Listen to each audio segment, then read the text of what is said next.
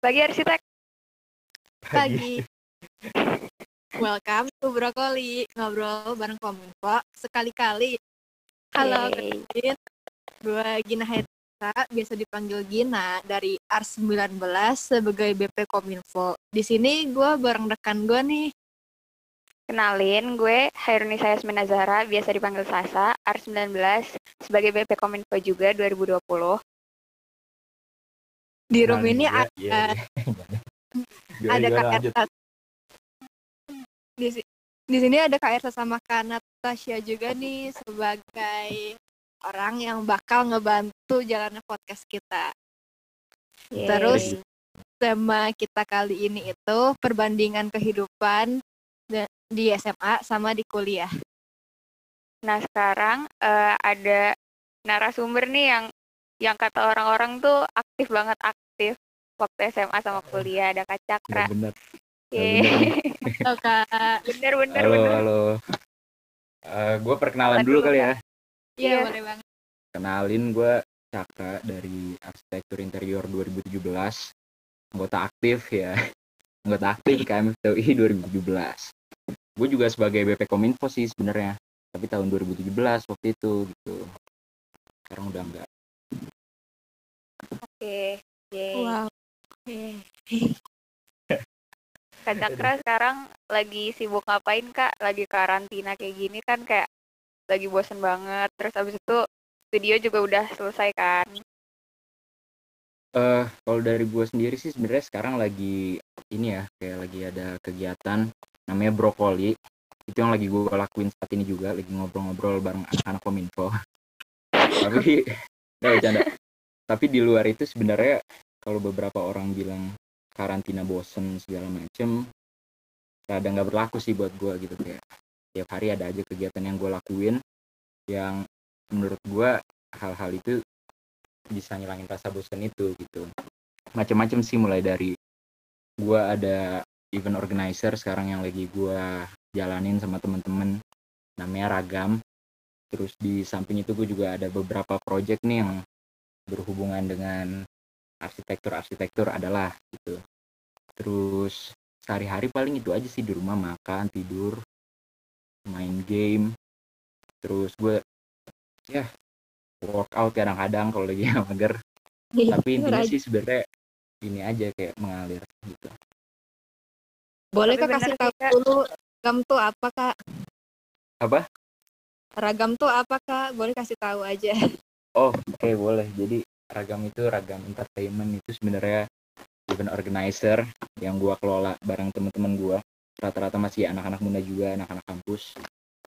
Isinya tuh ada anak Trisakti ada anak UI dan kita ini sebenarnya ragam kenapa dibilang ragam? Karena kita mau ibaratnya dari segala keberagaman yang ada di dunia ini kita pengen jadi wadah gitu buat orang-orang bisa berekspresi.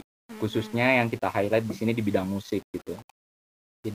Kita emang kalau sebelumnya mungkin kita emang bikin acara-acara musik yang live sekarang kalau lagi karantin gini apa apa jadi kita bikin secara virtual gitu. Oh, Iya benar. tapi Keren banget. berarti itu eh, Kak Cakra ngundang, maksudnya bukan ngundang tapi kayak ngajak orang-orang dari universitas lain buat ngebikin acara atau event ini gitu dong.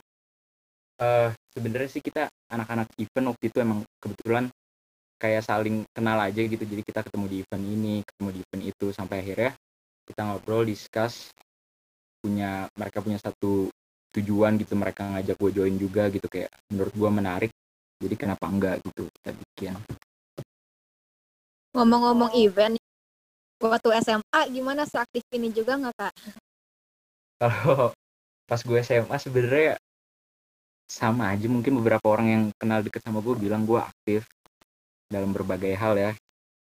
Tapi menurut gue gini-gini aja sih sebenarnya dalam artian gue emang coba maksimalin waktu yang ada gitu. Jadi ketika itu mau momen SMA ataupun kuliah gitu menurut gue sayang gitu kalau nggak dimaksimalin dengan berbagai macam kegiatan. Dan pas SMA tuh gue emang ikut OSIS gitu sempat jadi pejabat OSIS juga dan bikin event-event pensi terus kemudian acara musik festival kayak gitu juga Tapi kalau misalnya apa eh, sekarang tuh Kak Cakra nge- ngerasain gak sih bedanya kayak ngurusin event pas kuliah sama pas SMA kayak gimana?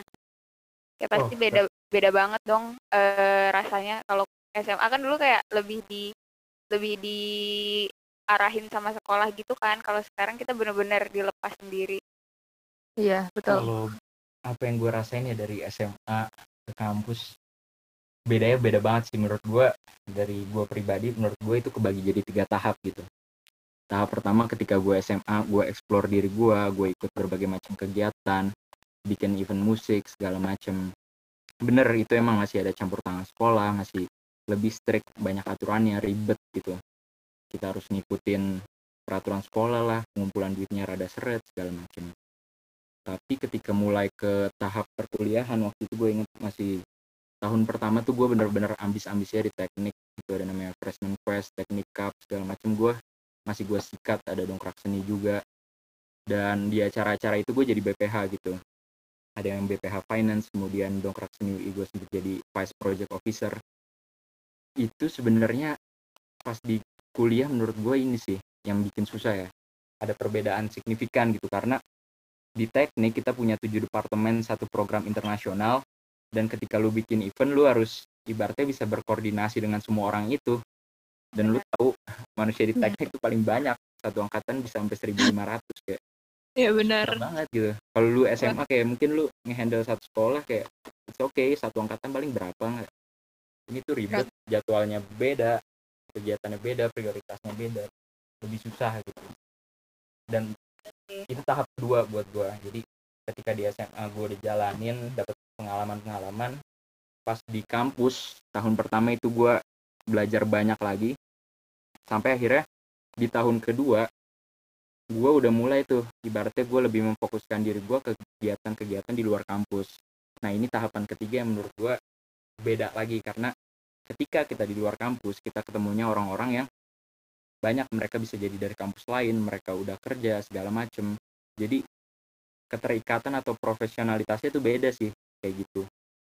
Beda banget gitu. Kalau misalnya lu di FT contoh panitianya masih bisa matil terus kayak gabut segala macem ini nggak kayak gitu. Kayak di luar tuh lebih apa yang gue rasain kayak orang-orang lebih serius kayak mereka tanggung jawabnya lebih lebih mereka kasih lah ibaratnya ketimbang apa yang gue rasain gitu. Dan ini mungkin jadi PR juga ya buat anak-anak kampus gitu kayak ibaratnya buat dengan segala macam kegiatan di FT yang ada gimana caranya tuh jaga internalisasi yang jadi PR utama itu paling Iya sih, benar. Terus kak, kalau menurut kakak gimana sih bedanya ngurusin suatu event sama bedanya ngurusin organisasi gitu? Ini seru ya. Ada- emang ada beberapa orang dulu sempet nanya ke gue gitu kayak lebih seneng ngurus event atau organisasi gitu jadi eh ada yang menarik sih sebenarnya ketika event itu emang biasanya kita dalam jangka waktu tertentu organisasi juga tapi cenderung lebih panjang ya. Kalau kita organisasi bisa dalam jangka waktu satu tahun itu isinya macam-macam ketemu orangnya sama gitu ya tapi kalau event kita jalanin tuh macam-macam gitu kayak ada event yang gua di brief satu minggu minggu depan langsung eksekusi gitu. Ada juga yang harus kita konsep dari awal kita brainstorming bareng terus kemudian kita pelajarin bareng-bareng sampai eksekusi. Dalam waktu berapa bulan gitu kayak itu beda-beda. Tapi sebenarnya ada plus minusnya sendiri sih menurut gua. Ketika kita di organisasi gua ngeliatnya salah satu yang cukup jadi fokusan gue sih ini ya kalau kita kalau lu nge gitu kenapa namanya ikatan mahasiswa arsitektur gitu. Karena ada ikatannya cuy. Itu menurut Wah. gue yang itu nggak selalu ada di semua kepanitiaan gitu. Karena ada kata ikatan itu yang artinya ketika lu dilantik lu daftar lu dilantik terus lu menjadi pejabat di organisasi itu berarti ada suatu ikatan antara lu dengan orang-orang sekeliling lu dengan BP lain dengan BPH lain dan dengan satu organisasi itu gitu yang membuat kalian itu bisa disebut sebagai satu ikatan keluarga mahasiswa gitu. Dan itu sih kayak yang bedain menurut gue ya kayak kalau di event tuh kadang gitu emang tergantung eventnya juga sih tapi di kepanitiaan ada beberapa kepanitiaan yang bisa bikin lu merasa nyaman merasa enjoy jalaninnya tapi kalau lu di ikatan mahasiswa kayak ya itu udah satu ikatan gimana caranya lu bonding tuh selama satu tahun itu yang harus dikejar gitu. Bener banget sih. Eh kalau tapi kalau kakak sendiri nih eh menurut kakak lebih pilih eh lebih pilih ngurus event atau ngurus organisasi? Aduh. Jujur ini berat sih sebenarnya pilihannya karena Tuh. gini eh eh, ini sama aja kayak menurut gue ya menurut gue sama aja ketika orang bertanya gitu kayak menurut lu bagi prioritas tuh gimana? gitu. Ada yang bilang oh kalau lu mau seimbang lu akademis 50% terus non akademis 50% gitu. Dalam artian lu tetap bisa fokus ke akademis dan lu bisa fokus ke non akademis kayak organisasi kemudian kegiatan kepanitiaan segala macam. Tapi gue inget banget pas gue maba gue sempet denger perkataan ini dan menurut gue ini benar gitu. Ketika ada dua pilihan antara dua topik gitu ditanya berapa persen berapa persen yang bisa lu berikan gitu.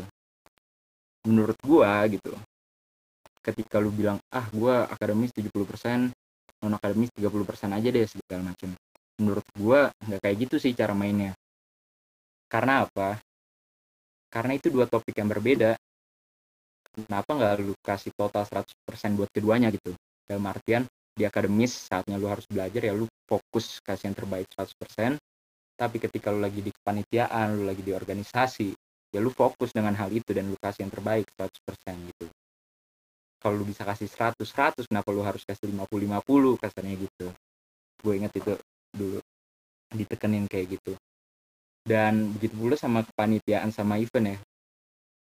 Gua ketika gua di IMA waktu itu emang sempat ada beberapa kepanitiaan juga yang gua ambil di teknik.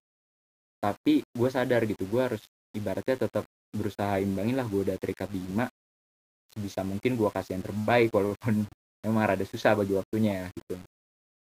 Tapi ketika gue udah kelar dari IMA waktu itu gue berusaha support teman-teman IMA yang pada maju lanjutin ke pengurusan selanjutnya. Nah itu gue maksimalin lagi. Gue ambil panitiaan panitiaan di luar gitu. Gue ikut beberapa IO di luar segala macam dan gue kasih 100% gitu. Kayak gitu sih kayak. Kalau bisa tetap kasih yang terbaik di tiap apa-apa yang lu pilih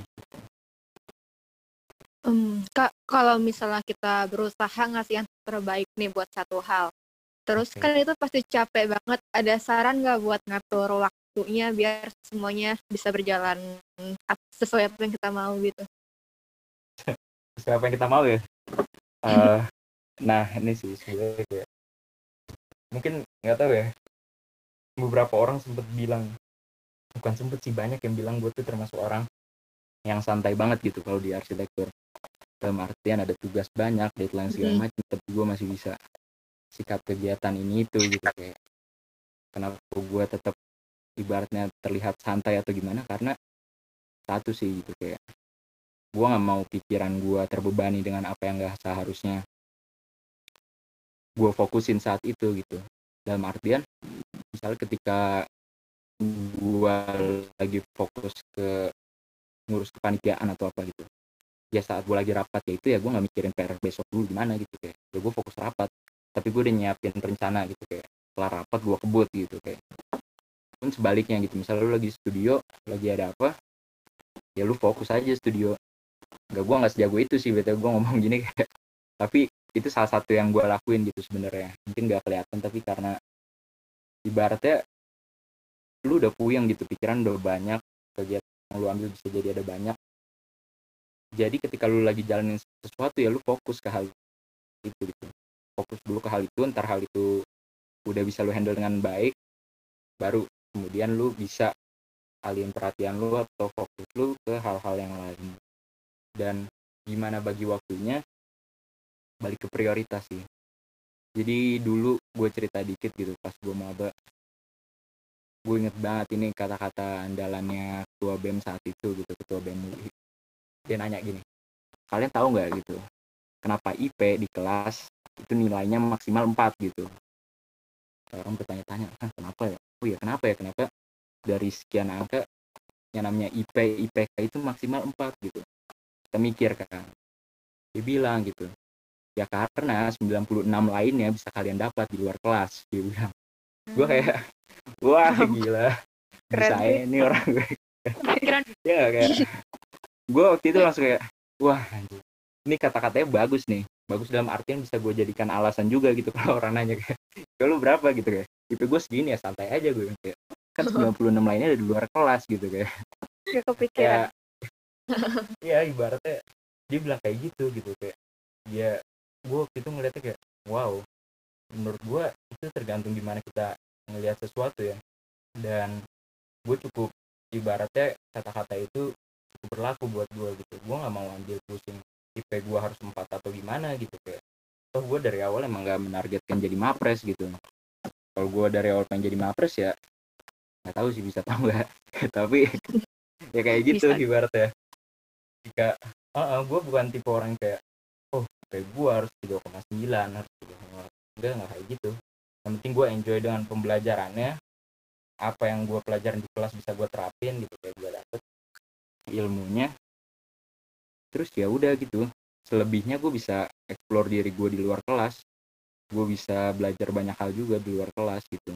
Dan itu pun balik lagi kayak ketika lu ambil IMA ketika lu ikut kepanitiaan lu ikut organisasi apa pun itu itu kan semuanya ada pembelajaran yang lu dapet gitu. Jadi kayak pembelajaran itu bisa didapat di mana aja menurut gua. Dan IP 4 itu salah satu pacuan gitu salah satu faktor aja gitu sebenarnya dan sebaiknya sih jangan lu sepelekan juga tapi lu nggak boleh lupa di sekeliling lu masih banyak hal yang bisa digali Setuju. Setuju banget. Eh, Kak, tapi eh, dari sekian banyak eh, sekian banyak event yang pernah kakak jalanin tuh pernah gak sih kayak kan Ars juga tugasnya banyak gitu kan. Pernah ada titik jenuhnya gitu gak kayak tiba-tiba kayak anjir gue gak bisa Aduh. nih ngurusin ginian. Demot. aduh gua gua nggak mau muluk-muluk ya ini gua buka-bukaan aja lah. Eh Boleh. kemarin tuh pas PAI 3 berarti ya. Itu gua lagi megang salah satu event yang namanya besar gitu dalam artian event gua ini punya track record yang bagus di tahun sebelumnya. Dan gue juga mengambil target pasar yang luas gitu. Bukan cuman sekedar udah daerah Jakarta atau gimana tapi lebih luas. Karena apa? Gue punya macem-macem tuh. Ada artis internasional beberapa yang gue panggil di event itu ada banyak. Dan event ini budgetnya besar persiapannya banyak segala macem. Dan makan waktu yang cukup besar banget apalagi posisi gue dalam event itu dalam suatu organisasi itu itu udah jadi PT btw waktu itu gue ikut itu udah jadi PT IO nya dan gue memegang peran yang krusial banget nih. Ibaratnya duit yang ngalir buat event itu buat acara itu masuknya lewat gue sebagai orang yang menghandle marketing ke brand gitu. Dan itu cukup bikin pusing banget. Bikin pusing karena itu menyita waktu gue menyita waktu studio gue waktu istirahat segala macem. Sampai akhirnya pernah tuh gue ngerasain yang namanya titik jenuh. Dan saat itu ya udah gitu. Mungkin beberapa orang ketika dia benar-benar jenuh gitu mereka memutuskan kayak ah gue demot. Nggak usah lah gue masuk studio gitu. Gue mungkin sempet ada tuh pikiran kayak gitu berapa kali gue nggak masuk tapi sebenarnya bukan karena gue niatin nggak masuk ya karena gue capek gue ketiduran. Kayak ya udah gitu jadi nggak masuk. Tapi akhirnya gue sadar gitu wah pas gue lagi demot-demotnya jenuh-jenuhnya kayak jatah cabut gue tuh nggak aman kayaknya. Kayaknya udah banyak deh. Jadi ya udah gitu gue tetap mikir gue niatin aja gue masuk. Gue nggak bawa progres waktu itu gue nggak nyiapin progres apa apa gue ibaratnya kayak datang bener-bener tangan kosong. Tapi satu gue datang dengan niatan waktu itu buat berkomunikasi gitu. Karena Fasil mungkin sering bilang gitu. Salah satu kuncinya itu ada di komunikasi. Ketika lu demot atau ada sesuatu yang lagi ibaratnya mengganggu pikiran lu buat fokus ke studio sebenarnya itu bisa aja lu komunikasiin ke Fasil lu gitu. Gue waktu itu datang ketika orang-orang fasilan segala macem di titik itu datanglah fasilitator gue gitu. Dia nanya Cakra kamu gimana apa kabar? Progresnya gue bilang waktu itu kayak mbak hari ini saya cuma mau cerita gitu. Nggak apa-apa kan? Ketika gue ngomong kayak gitu ternyata responnya positif gitu. Dia langsung terbuka banget kayak oh iya kenapa? gitu. Mau cerita apa? Gue langsung cerita waktu itu tentang kehektikan gue kesibukan gue ada permasalahan-permasalahan yang terjadi di acara yang lagi gue handle mungkin yang bisa ngedistract gue dari studio segala macem. Dan saat itu ketika gue terbuka sama Fasil ternyata dia malah dia nggak nganggap itu hal negatif atau gimana dia malah seneng gitu. Karena sebenarnya terkadang apa yang dipengen oleh fasilitator ini cuma mereka pengen tahu kabar kita. Mereka cuma pengen ada komunikasi jadi ketika ada suatu masalah mereka bisa bantu ngasih solusi. Dan waktu itu gue seneng banget tuh hasil gue kemudian ngasih saran ngasih masukan juga gitu. Dan ibaratnya walaupun ini permasalahan yang berbeda dari luar studio bisa jadi dia ngasih masukan juga gitu. Ketika dia ngasih masukan itu kemudian dia sambung ke nasihat buat studio. Dan gue seneng banget sih waktu itu. Ketika gue milih buat masuk di hari itu gue malah dapet pencerahan yang banyak. Malah dapet support yang lebih dari fasil gue karena dia tahu kondisi yang lagi gue hadapin di luar studio. Dan itu jadi salah satu titik yang bikin gue semangat buat ngejar progres gitu. Jadi kalau boleh saran mungkin buat teman-teman anak arsi yang ngerasa demo atau segala macem gitu. Kadang kita emang mikir buat duh mending gue nggak usah masuk studio kalau gue nggak ada progres sama sekali atau gimana gitu tapi coba kita lihat dari arah yang berbeda gitu. Justru ketika lu nggak ada progres sama sekali bisa jadi mendingan lu masuk gitu biar lu dapet pencerahan dari fasil lu biar lu dapet support lebih biar lu dapet pencerahan juga dari teman-teman di sekeliling lu gitu. Dan bisa lihat referensi ibaratnya buat nge-trigger lagi semangat lu kayak gitu. Itu sih kalau dari pengalaman gue ya. Terharu banget. Keren keren. Keren banget. Banget parah gak kepikiran shout out nih buat fasilnya kacakra keren banget. Iya. ya keren ya Hayu memang. Banget.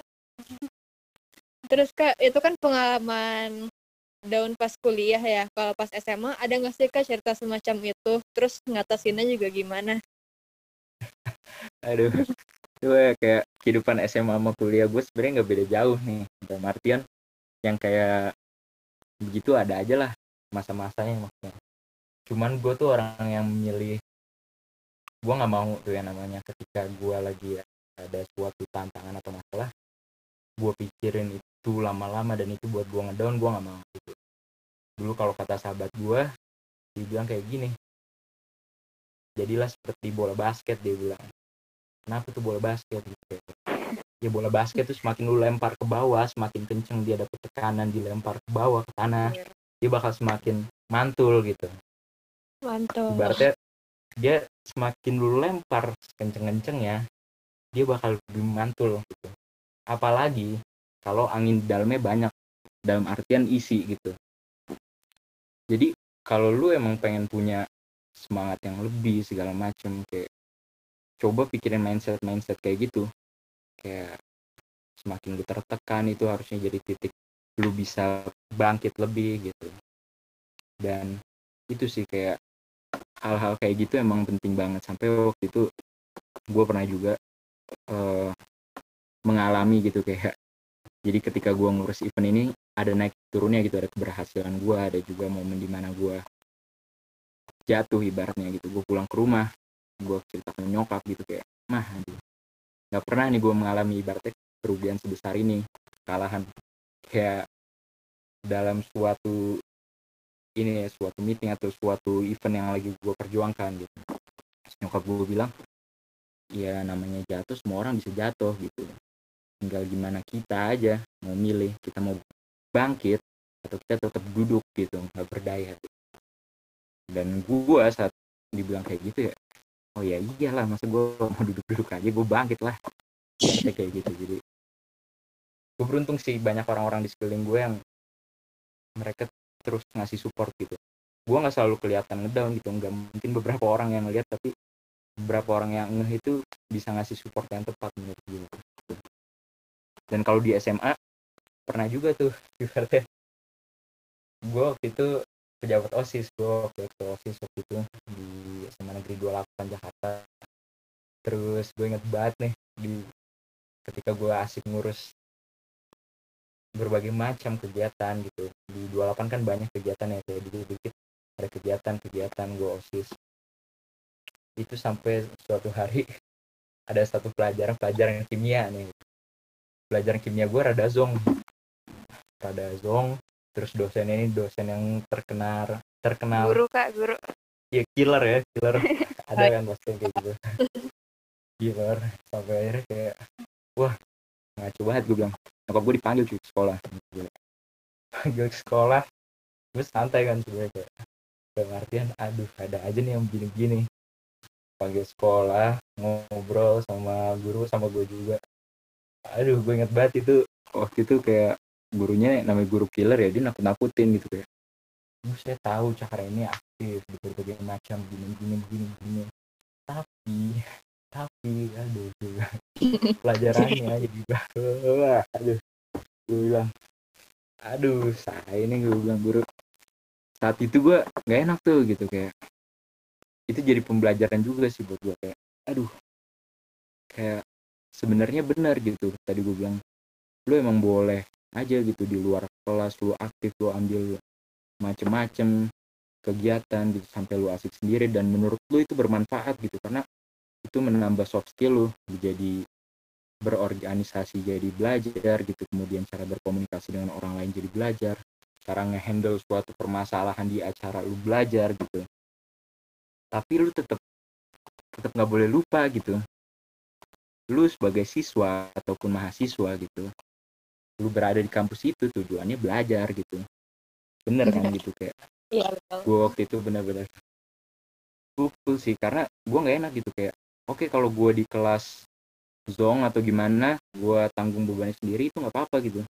Tapi ini orang tua gue dipanggil kayak gue nggak enak banget sama orang tua gue ibaratnya dia kayak udah biayain gue sekolah buat belajar bener-bener. Tahunya gue malah kasihkan ngurus macem-macem sampai salah satu pelajaran gue itu rada zong gitu. Itu jadi pelajaran sih sampai setelah itu gue mikir gitu kayak nyokap gue juga selalu bilang ke gue gitu kayak oke okay kalau gue kuliah gue ambil banyak kegiatan ibaratnya organisasi atau atau pekerjaan di luar kelas yang buat nambah gue jajan atau segala macam oke okay, nyokap gue selalu bilang gak apa-apa. Tapi jangan lupa dia bilang kalau gue ada di kampus kalau gue ada di sekolah itu sebenarnya tujuan utamanya juga belajar gitu sebagai siswa atau gue itu kan. Jadi jangan sampai pelajarannya itu ibaratnya terpuruk banget lah gitu jadi ketika kuliah gue usahain tuh semaksimal mungkin. Walaupun gue ambil macam-macam kegiatan ya pelajarannya tetap inilah ya dijalanin gitu kayak jangan memberontak banget gitu. Itu sih paling.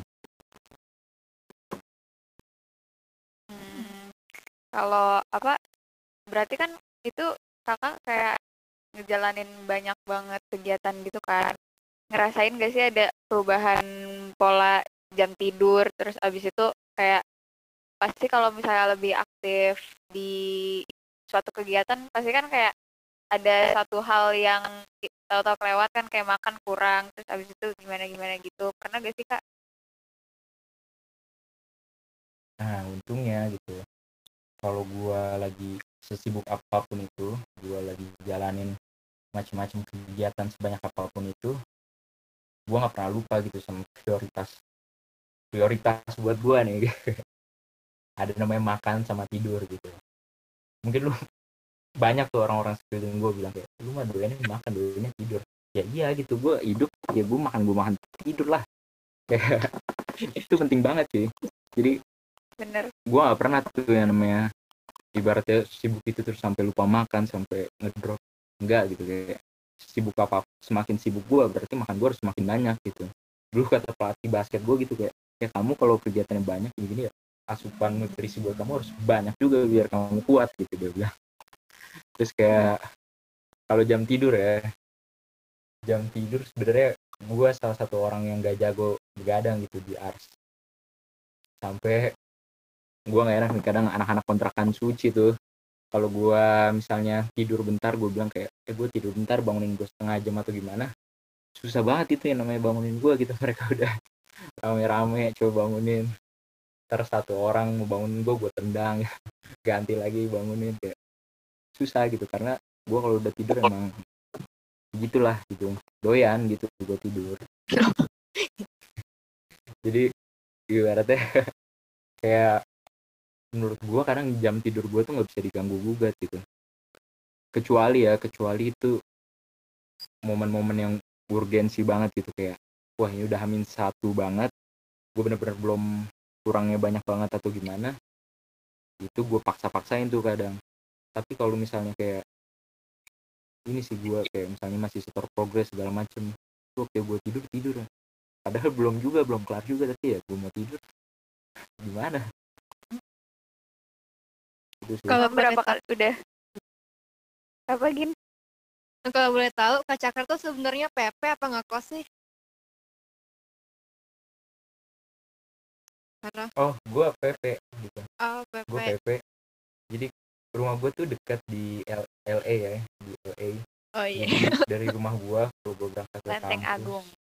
Kalau gue kebut nih dengan dengan kemampuan gue mengendarai sepeda motor itu bisa 3 sampai lima menit cuy kalau gue bener-bener kebut di pagi hari tuh. Deket itu. Kayak dekat dan ketika pulang itu tergantung mood gue sih. Biasanya gue sebenarnya lebih seneng buat pulang langsung ke rumah gitu. Tapi kalau misalnya lagi ada tugas-tugas ngejar deadline yang banyak segala macem itu pasti Jojo terus Apip kemudian anak-anak kontrakan itu pada nggak ngasih gue pulang ke rumah biasanya gitu kayak baru kelar dari kampus pasti mereka bilang mereka narik gue ke kontrakan gue disuruh kerjain dulu nggak boleh pulang gitu. Takut ketiduran ada kali kak. kerjain. Karena kalau gue pulang biasanya gue ketiduran gitu. Iya benar kalau gue pulang pasti gue ketiduran gitu kayak. Jadi gue biasa gitu ditahan sama anak kontrakan. Paling gitu sih kalau di Putek gue di kontrakan kadang gue udah ngerjain dulu ya udah karena biasa ditutup tuh pintu kayak nggak boleh nggak boleh. Jangan ada yang kasih cakra pulang gitu. Gue kerjain kerjain. Ntar nih misalnya udah jam 2 jam 3 Jojo lengah segala macam lagi lengah gue kayak keluar bentar nyari angin terus gue balik ke rumah. Jam 3 gitu ya. terus dia ngedumel pasti gue Terus kayak gitu. Terus kayak wah lu balik sih gini gini kayak. Gue mau balik. Gue jujur tipe orang yang lebih senang tidur di rumah sih. Timbang di luar ya. gitu biasanya kalau gue di kutek atau gimana gue nggak balik itu mungkin lagi momennya gue nggak lagi begadang kali ya. Jadi kayak malamnya jam 10 sampai jam berapa gue tidur terus ya udah gue ngerjain sampai pagi gitu. Tapi kalau tengah malam gue masih bangun gue lebih prefer pulang sih biasanya. Kak kak Cakra eh, kata orang-orang kakak sering telat ya gara-gara ketiduran. Nah iya. ya biasa lah itu namanya kabar burung kabar burung. Ya, tapi nggak salah sih bener. Aduh bahkan wah gua ngerti ya sampai sebenarnya gua nggak berniat kayak gitu gitu. Cuman ada orang pernah bilang semakin deket rumah lu dengan tempat kuliah lu atau dengan sekolah lu itu semakin membuat lu menjadi santai gitu. Dalam artian rumah gue deketnya kantor juga nyampe gitu karena lu santai lu jadi berleha-leha ada kasur lu rebahan gitu sampai akhirnya lu ketiduran gitu kebablasan. Dan itu yang gue rasain sih karena deket karena gue malah jadi santai banget santai. Tiba-tiba udah jam berapa gue datang ke kampus.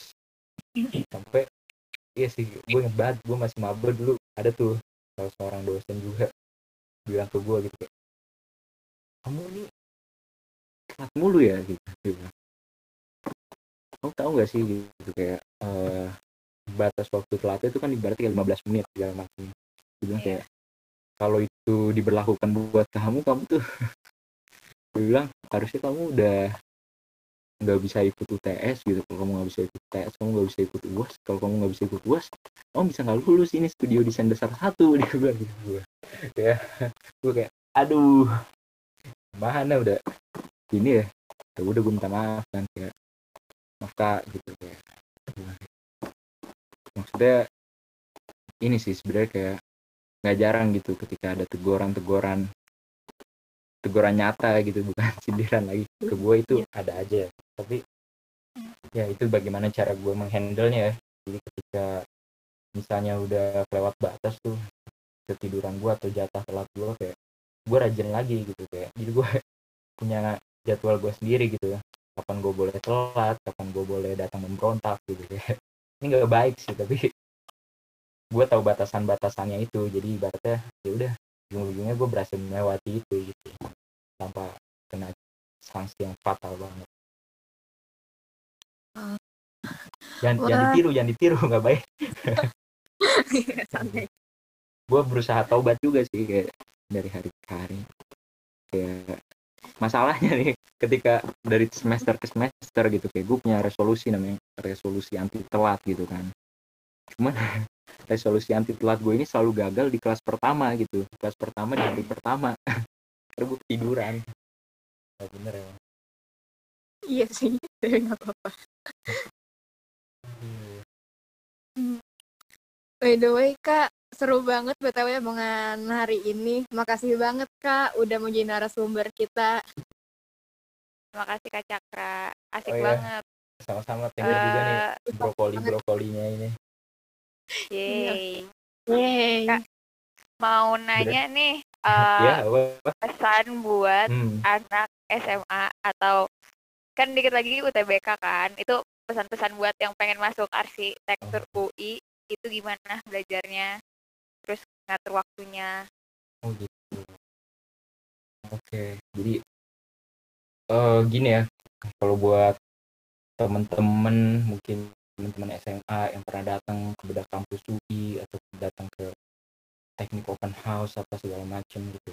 Kadang mungkin kita terlalu baik juga ya, bilang kayak masuk arsi itu nggak pusing gitu, nggak harus bisa gambar kalian yang penting semangat gitu. Aduh, gue buka-bukaan aja deh masuk arsi itu. masuk arsi itu capek kalau kita berarti gimana ya? masuk arsi itu capek gue nggak bohong. Tapi gitu tapi itu bukan masalah sebenarnya buat gue karena apa? Karena lu capeknya nggak sendirian. Gue nggak mau muluk-muluk nih masuk arsi itu nggak capek. Itu bohong anjir yang bilang masuk arsi nggak capek itu bohong. Masuk arsi itu capek. Cuman lu capeknya tuh nggak sendirian. Dan itu sih yang jadi nilai plus menurut gue kalian boleh compare ke departemen lain boleh compare ke jurusan lain mungkin. Ada nggak sih matkul-matkul yang mempersatukan satu angkatan sebanyak studio 9 SKS itu? Ada nggak sih matkul-matkul yang bisa buat mereka nginep terus berhari-hari di kampus gitu buat mempersiapkan pameran atau internal eksternal segala macam nggak ada gitu dan itu cuma ada di RC dan menurut gua justru itu yang jadi nilai plusnya RC gitu. It's okay capek itu wajar gitu namanya hidup. Gue mungkin kalian pernah dengar juga gitu. Ketika orang bilang capek atau orang ngeluh justru itu hal bagus. Karena apa? Berarti ada sesuatu yang diperjuangkannya gitu. Kata capek itu sebenarnya bisa dijadikan sesuatu hal yang positif ketika orang bilang capek. Ya emang dia capek gitu tapi dia capek karena ada sesuatu yang dia perjuangkan dan yang jadi nilai plus dia memperjuangkan itu nggak sendirian tapi ada teman-temannya juga yang berjuang ibaratnya bersama-sama. Gue benar-benar ngerasain kekeluargaan di RC itu ya. Banyak banget orang-orang yang udah lulus segala macam juga cerita gitu. Tanpa adanya support dari angkatan dari teman-teman belum tentu mereka survive gitu. Ya, ini emang capek tapi kita bareng. Dan menurut gue itu bisa jadi suatu bekal yang bagus banget gitu ketika lu menghadapi nantinya dunia pekerjaan atau dunia yang lebih luas lagi karena ya lu tataran arsi gitu ya lu bisa melewati itu berarti lu keren gitu. Keren. Bener banget. Jadi buat anak teman-teman SMA yang mau masuk arsi ya lu nggak perlu ragu gitu. Nggak perlu ragu lu nggak perlu takut yang namanya capek ya itu pasti bakal lu rasain.